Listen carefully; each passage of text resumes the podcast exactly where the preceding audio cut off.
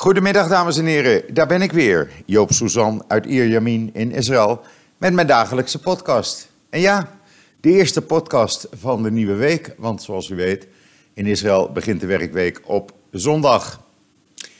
Eh, ja, een hele overvolle podcast weer vandaag, want ja, zoals u inmiddels wel weet, is er van alles en nog wat gebeurd in de afgelopen twee dagen. Um, Laat ik eerst nog even uh, het weer maar noemen. Alhoewel, ja, uh, het blijft hetzelfde hoor. Het is 37 graden, blauwe lucht, uh, zwak briesje. Het enige is dat 37 graden is niet zo bijzonder voor Israël in deze tijd. Maar de intensiteit van de zon is vele malen sterker als dat die ooit was. Het, op sommige momenten als je buiten bent, dan heb je het gevoel dat je wegbrandt. Het is enorm intens. Ik heb het nog nooit zo meegemaakt. En mensen die hier vanaf kinds wonen, die zeggen precies hetzelfde. Eh, daarnaast komt het eh, voor dat bijvoorbeeld in de avond, of ook in de ochtend, vanmorgen bijvoorbeeld, dan, uh, dan staat er geen wind en dan voel je die hitte. de, de hitte gaat niet weg. Het blijft s'nachts 27, 28 graden. En dan, uh, zoals gisteravond, dan loop je buiten en dan, uh, ja, je kan op sommige momenten uh, eigenlijk niet ademen. Het is echt heel raar en dat heeft echt te maken met de climate change, zoals men nu ook in Israël zegt.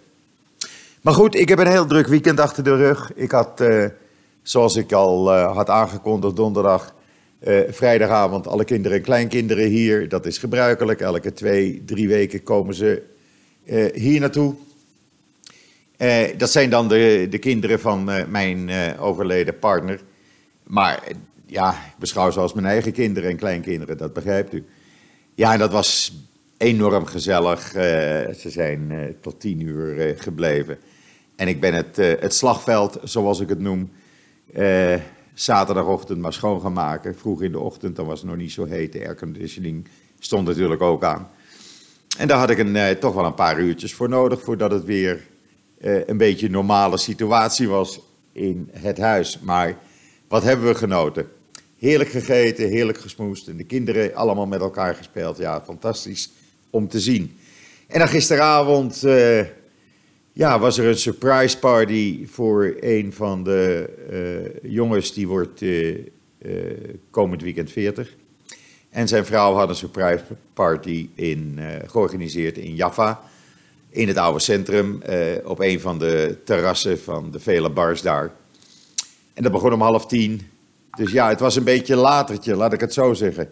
En uh, uh, ja, wel gezellig, maar erg heet ook. Zweten natuurlijk, veel drinken. Dat doe je dan. Bier, cola, noem maar op, alles ging er doorheen, als het maar koud was. En heel leuk, een hele grote tafel hadden we met een man of twintig.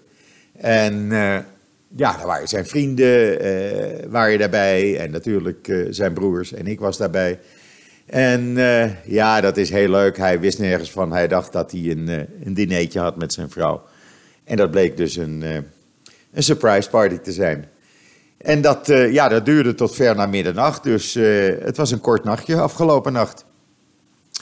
En dan het nieuws in Israël. Want nou bent u weer bij over mijn doen en laten. Want ik hoor van veel mensen van Joop, uh, wat doe je dan het weekend? Nou, dit dus. Onder andere. En dan uh, het nieuws in Israël. Ja, dat begon vrijdag met het trieste nieuws dat een 17-jarig meisje, Rina Snerp, uh, door een terreuraanslag om het leven was gekomen.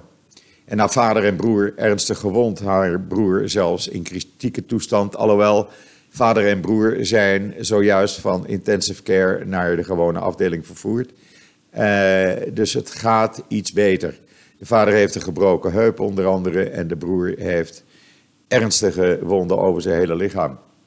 Is ook een paar keer geopereerd. Uh, wat gebeurde er? Uh, de vader, Rabijn Snerp, met zijn zoon en dochter, Rina dus, uh, ging op een uh, tioel, dus een, een, een tocht, oh, naar een, uh, ja, een natuurlijke bron die daar is en die altijd veel bezoek, bezocht wordt. En ze kwamen eraan, maar ze vonden het al heel raar dat er niemand was. En ze gingen de auto uit. En op het moment dat ze de auto uitgingen, werd er een, een bom die daar verborgen lag van afstand tot ontploffing gebracht. Op het moment dat Rina eigenlijk daar het dichtst bij stond. Zij overleed ter plekke. En zoals gezegd, de vader en broer dus gewond. Ik vind als je, uh, als je een bomaanslag, een dergelijke bomaanslag pleegt. En je doodt een onschuldig 17-jarig meisje. Omdat je vindt en geïndoctrineerd bent dat je het recht hebt op heel Israël. Dan ben je voor mij, wat mij betreft, het laagste wat er op aarde rondloopt dan verdien je het niet eens om op aarde rond te lopen. En heel Israël was daardoor aangeslagen, kan ik u zeggen, afgelopen vrijdag. Er waren sinds vrijdagmiddag een paar uur net voor Shabbat begraven. Uh, Joodse wedstrijd voor 24 uur.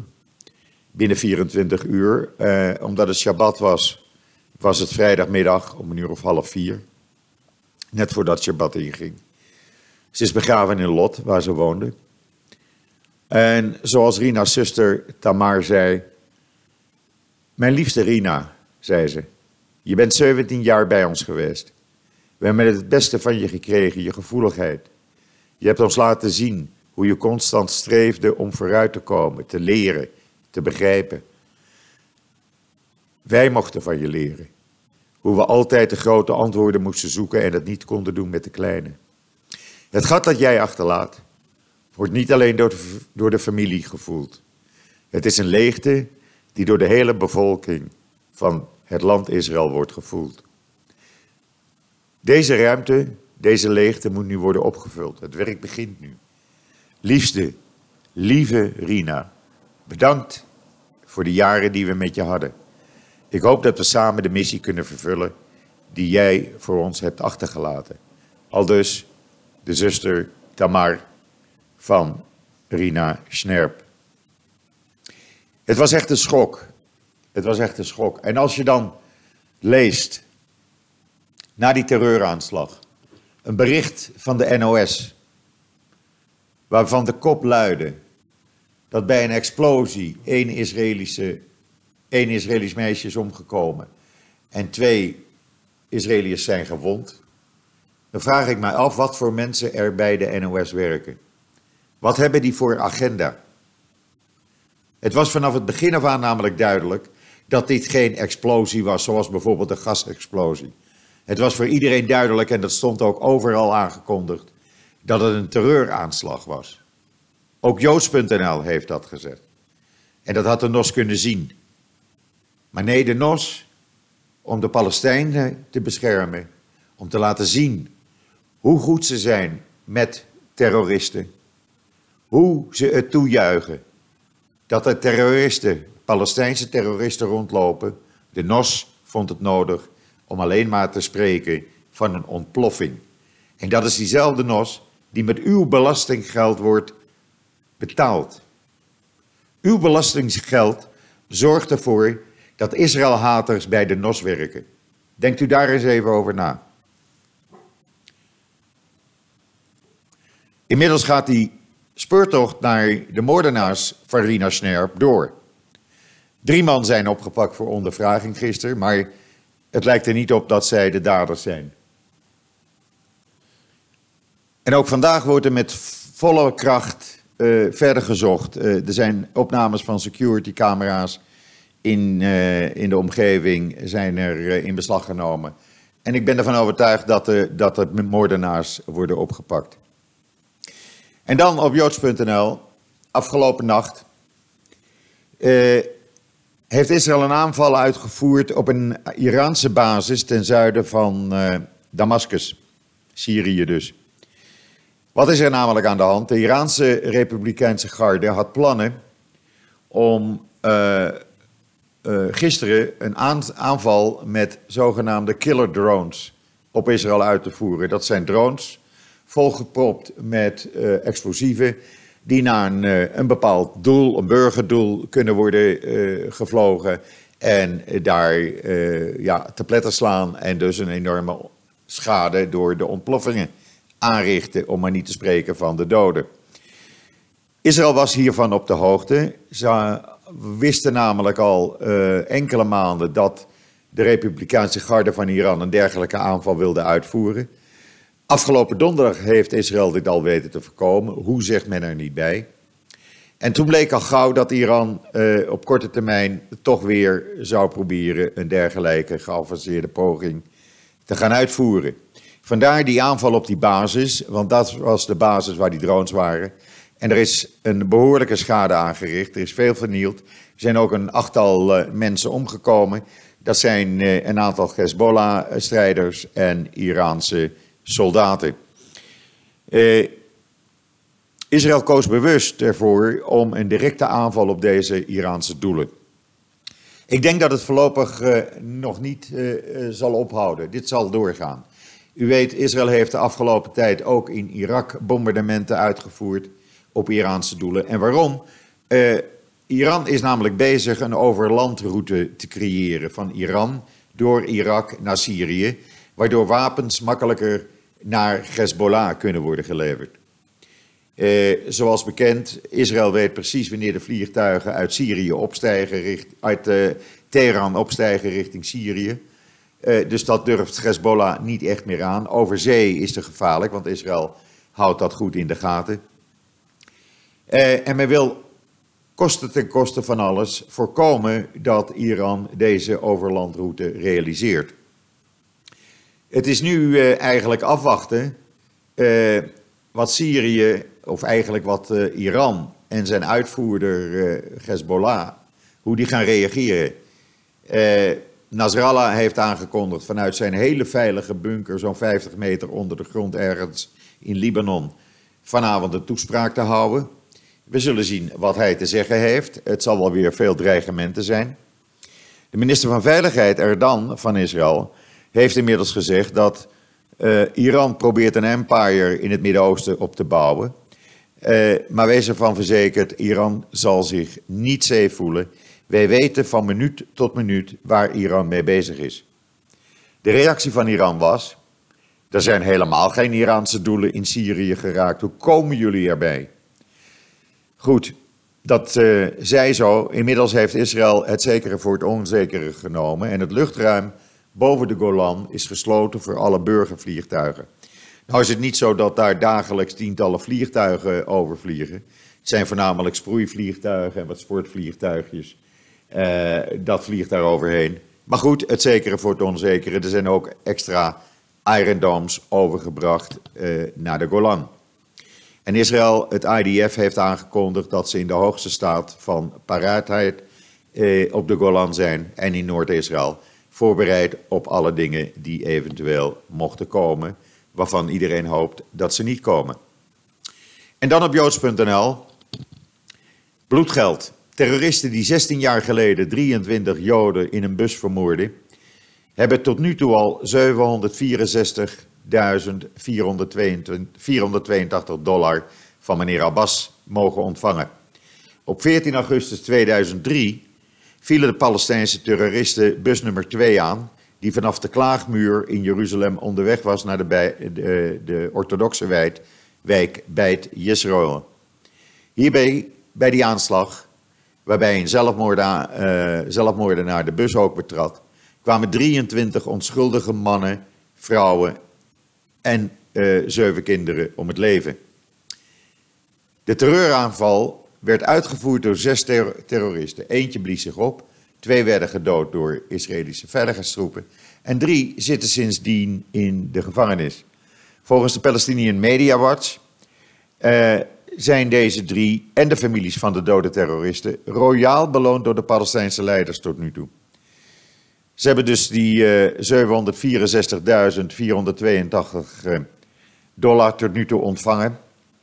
Uh, een van de meest prominente terroristen heeft het meeste gekregen. Deze man zit vast, die heeft 23 keer levenslang gekregen. Eén keer levenslang voor elke dode. Plus nog eens 50 jaar, dus die komt van zijn levensdagen de gevangenis niet meer uit. Die heeft in totaal 188.996 dollar op de huidige koers berekend van Abbas ontvangen. In de komende vier jaar uh, blijven de uh, gevangene terroristen in ieder geval nog maandelijks zo'n 278.000 dollar ontvangen. Uh, zo'n 2078, 2078 dollar, sorry. Dat blijven ze elke maand ontvangen. Dat bestaat uit een basissalaris en daar komt de maandelijkse toeslag op voor als je afkomstig bent uh, uit Oost-Jeruzalem. Uh, de Palestijnse leiders onder leiding van Abbas gaan ervan uit dat uh, zij in over vier jaar, dus in 2023, zo'n 12.000 shekel per maand zullen ontvangen. Dat betekent, ruwweg gezegd, zo'n 3000 euro per maand. Nou, ik vind dat nogal wat. Uh, ik vind dat een behoorlijk schandaal. Het is niet de eerste keer dat Joodse NL dit plaatst. We hebben een aantal weken geleden eenzelfde soort artikel over andere terroristen geplaatst, die zelfs veel meer hadden ontvangen. En uh, ja, dit moet gestopt worden. Dit moet gewoon gestopt worden. Dit kan gewoon niet zo doorgaan. Uh, ik, uh, ik zou u willen adviseren, spreek uw volksvertegenwoordiger in het Nederlandse parlement erop aan. Laat hem dit artikel zien. Laat hem zien waar het Nederlandse en Europese hulpgeld voor bestemd is. Wat daarmee gebeurt. Dat komt niet in de handen van de gewone man. Neemt u dat van mij aan. En dan eh, op joods.nl. De smaak van Israël. Ja, het is niet anders. Het is het lekkerste ijs, vind ik zelf, maar ook anderen gelukkig. Het lekkerste ijs wat je in, uh, niet alleen in Israël, maar verder buiten kan krijgen. Ik heb nooit van mijn leven zulk lekker ijs uh, uh, gegeten. Het is van Anita, Anita IJs heet het. Ze hebben een aantal vestigingen in Tel Aviv, in de Namal, het uitgaanscentrum bij de Oude Haven. Ze hebben ook in Neve Tzedek twee vestigingen. Zelfs in Australië verkopen ze dit ijs. het is echt, het is te gek. Bent u in Israël, ik raad het u aan, ga het proeven. U kunt in ieder geval de video zien op joods.nl. Dan uh, Hezbollah zegt dat, het twee drones, dat de twee drones boven Beirut, uh, die neergekomen zijn eigenlijk, of geëxporteerd zijn, het ware verhaal is nog niet bekend, dat zij die niet hebben neergeschoten. Die zijn spontaan uit de lucht komen vallen.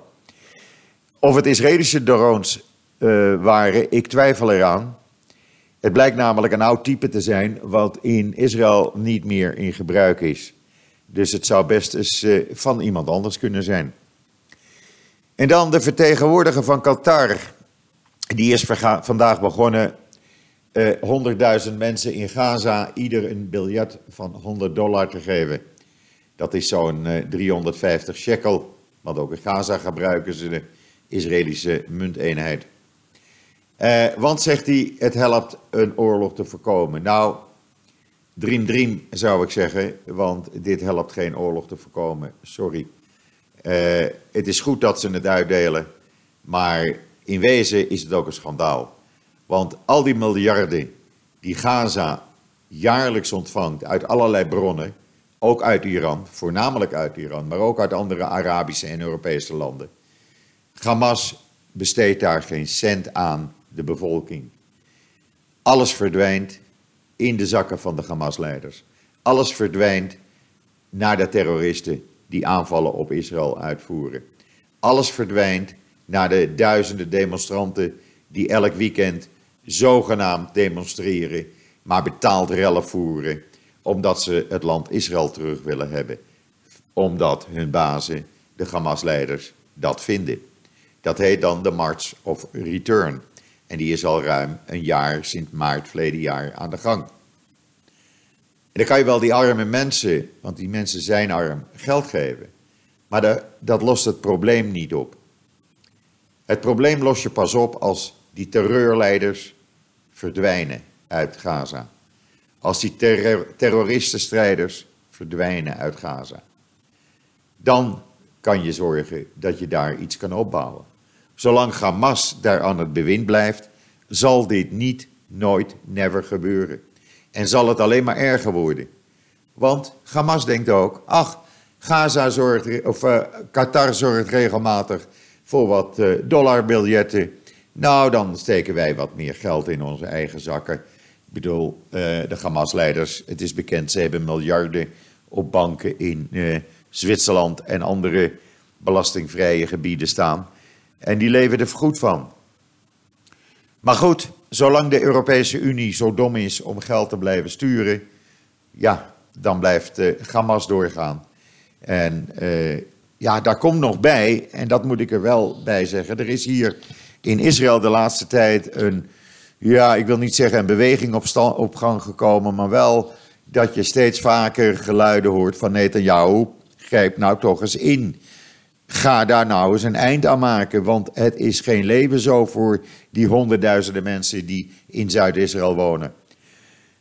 Maar Netanyahu durft niet. Netanyahu wil de verkiezingen winnen. Netanyahu durft geen oorlog te beginnen tegen uh, Hamas. En dat weet Hamas. En die lacht zich eigen dubbel een slag in de ronde. Want die denken, nou wij kunnen gewoon onze gang gaan. Want er gebeurt toch verder niks. En ze hebben nog gelijk ook, want Netanyahu doet op dit moment niks. Terwijl het land eigenlijk vraagt van doe er wat aan. Ik ben benieuwd hoe dat over uh, een paar weken gaat met de verkiezingen. Of dit uh, het breekpunt wordt. Want men is het gewoon zat hier in Israël. Men wil rust. Men wil rust rond Gaza. Men wil rust rond uh, Hezbollah. En men wil rust van die terroristen. En iedereen die terroristen steunt, iedereen die vindt dat Palestijnse terroristen hun gang maar moeten gaan, ik zou zeggen opzouten. Opzouten en snel ook. Goed, dan even iets anders. Op mijn timeline kunt u zien dat uh, Amazon, die had in zijn uh, uh, website kleding te koop aangeboden van een, een, ja, een of andere handelaar, die dat via Amazon deed, met foto's erop van een Joodse man die door de nazi's tijdens de Tweede Wereldoorlog in Polen werd geëxecuteerd. Hij werd neergeschoten bij zijn eigen graf wat later zijn graf werd. En die foto, dat moment, stond op kleding die gewoon te koop was van Amazon. Het blijkt dat Amazon eigenlijk weinig aan eh, checken doet, want het werd alleen maar eruit gehaald nadat de Joodse organisaties uit Engeland gingen klagen bij Amazon in Engeland. Ik vind dat een schandaal. Ik vind dat echt een schandaal. En dan, uh, een Israëlische crimineel, die had huisarrest in afwachting van, zijn, uh, uh, van de uiteindelijke straf die hij zou krijgen. De rechtszaak was nog gaande. En die ontvluchtte verleden jaar. En wat bleek nou? de Israëlische politie had hem schijnbaar in de gaten, of hield zijn kinderen in de gaten. Want zijn kinderen gingen hem uh, verleden week bezoeken. En uh, waar bleek hij te zijn? In Casablanca. En op het moment dat hij met zijn kinderen de synagoge van Casablanca uitkwam, werd hij door de politie in uh, de geheime politie van Marokko werd hij opgepakt en gearresteerd en zal binnenkort dus weer terug in Israël zijn. Ja, een domme fout eigenlijk. Ik vraag me trouwens af hoe hij Israël is ontvlucht, want zo makkelijk gaat dat toch niet. Dat moet, moet die weggesmokkeld zijn per boot naar Cyprus of zoiets, want op een andere manier lijkt mij bijna niet mogelijk. Ja, en dan, dan is dit voor wat mij betreft eigenlijk het nieuws wat ik u te melden had. Ik zal nog even kijken of er nog nieuwe ontwikkelingen zijn. nee, de Libanese minister-president die beschuldigt Israël van die twee drones. En die zegt dat Israël een bedreiging is van de regionale stabiliteit, niet Iran. Nou ja, we weten hoe dat uh, werkt. Uh, en er zijn nu speculaties, speculaties trouwens dat die, die drones zouden best eens Iraanse drones kunnen zijn geweest.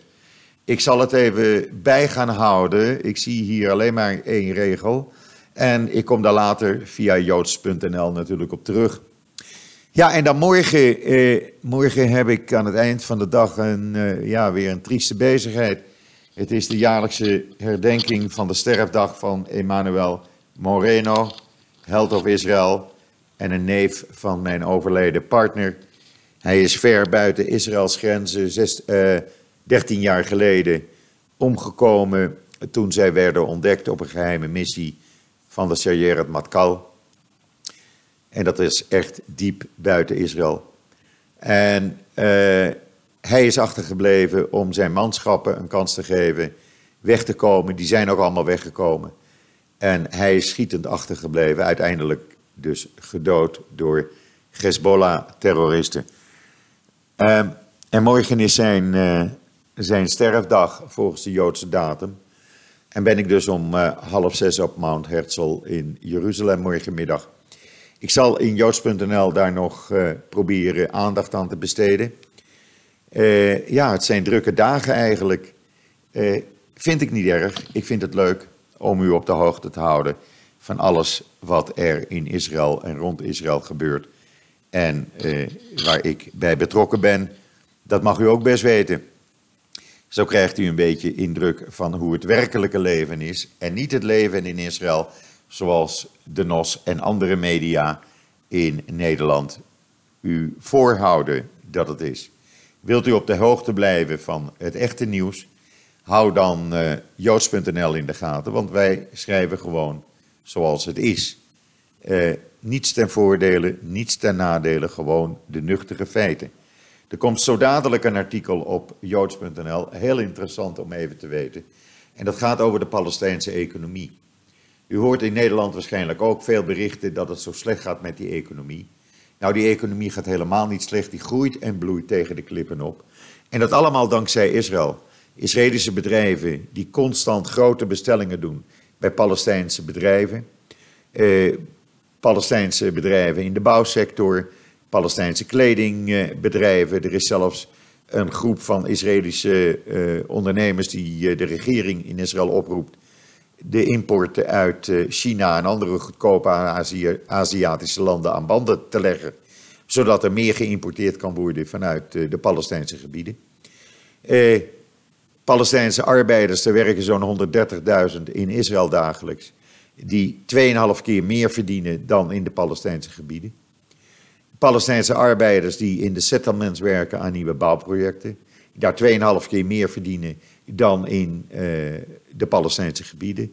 Nou, het staat allemaal in het artikel wat over een, uh, nou zo dadelijk online is in joods.nl. Gaat u het lezen en dat is het nieuws zoals het werkelijk is. Rest mij u nog uh, een fijne voortzetting van deze, ook in Nederland, mooie, warme zomerse dag toe te wensen. Het is alweer de laatste 25 augustus 2019.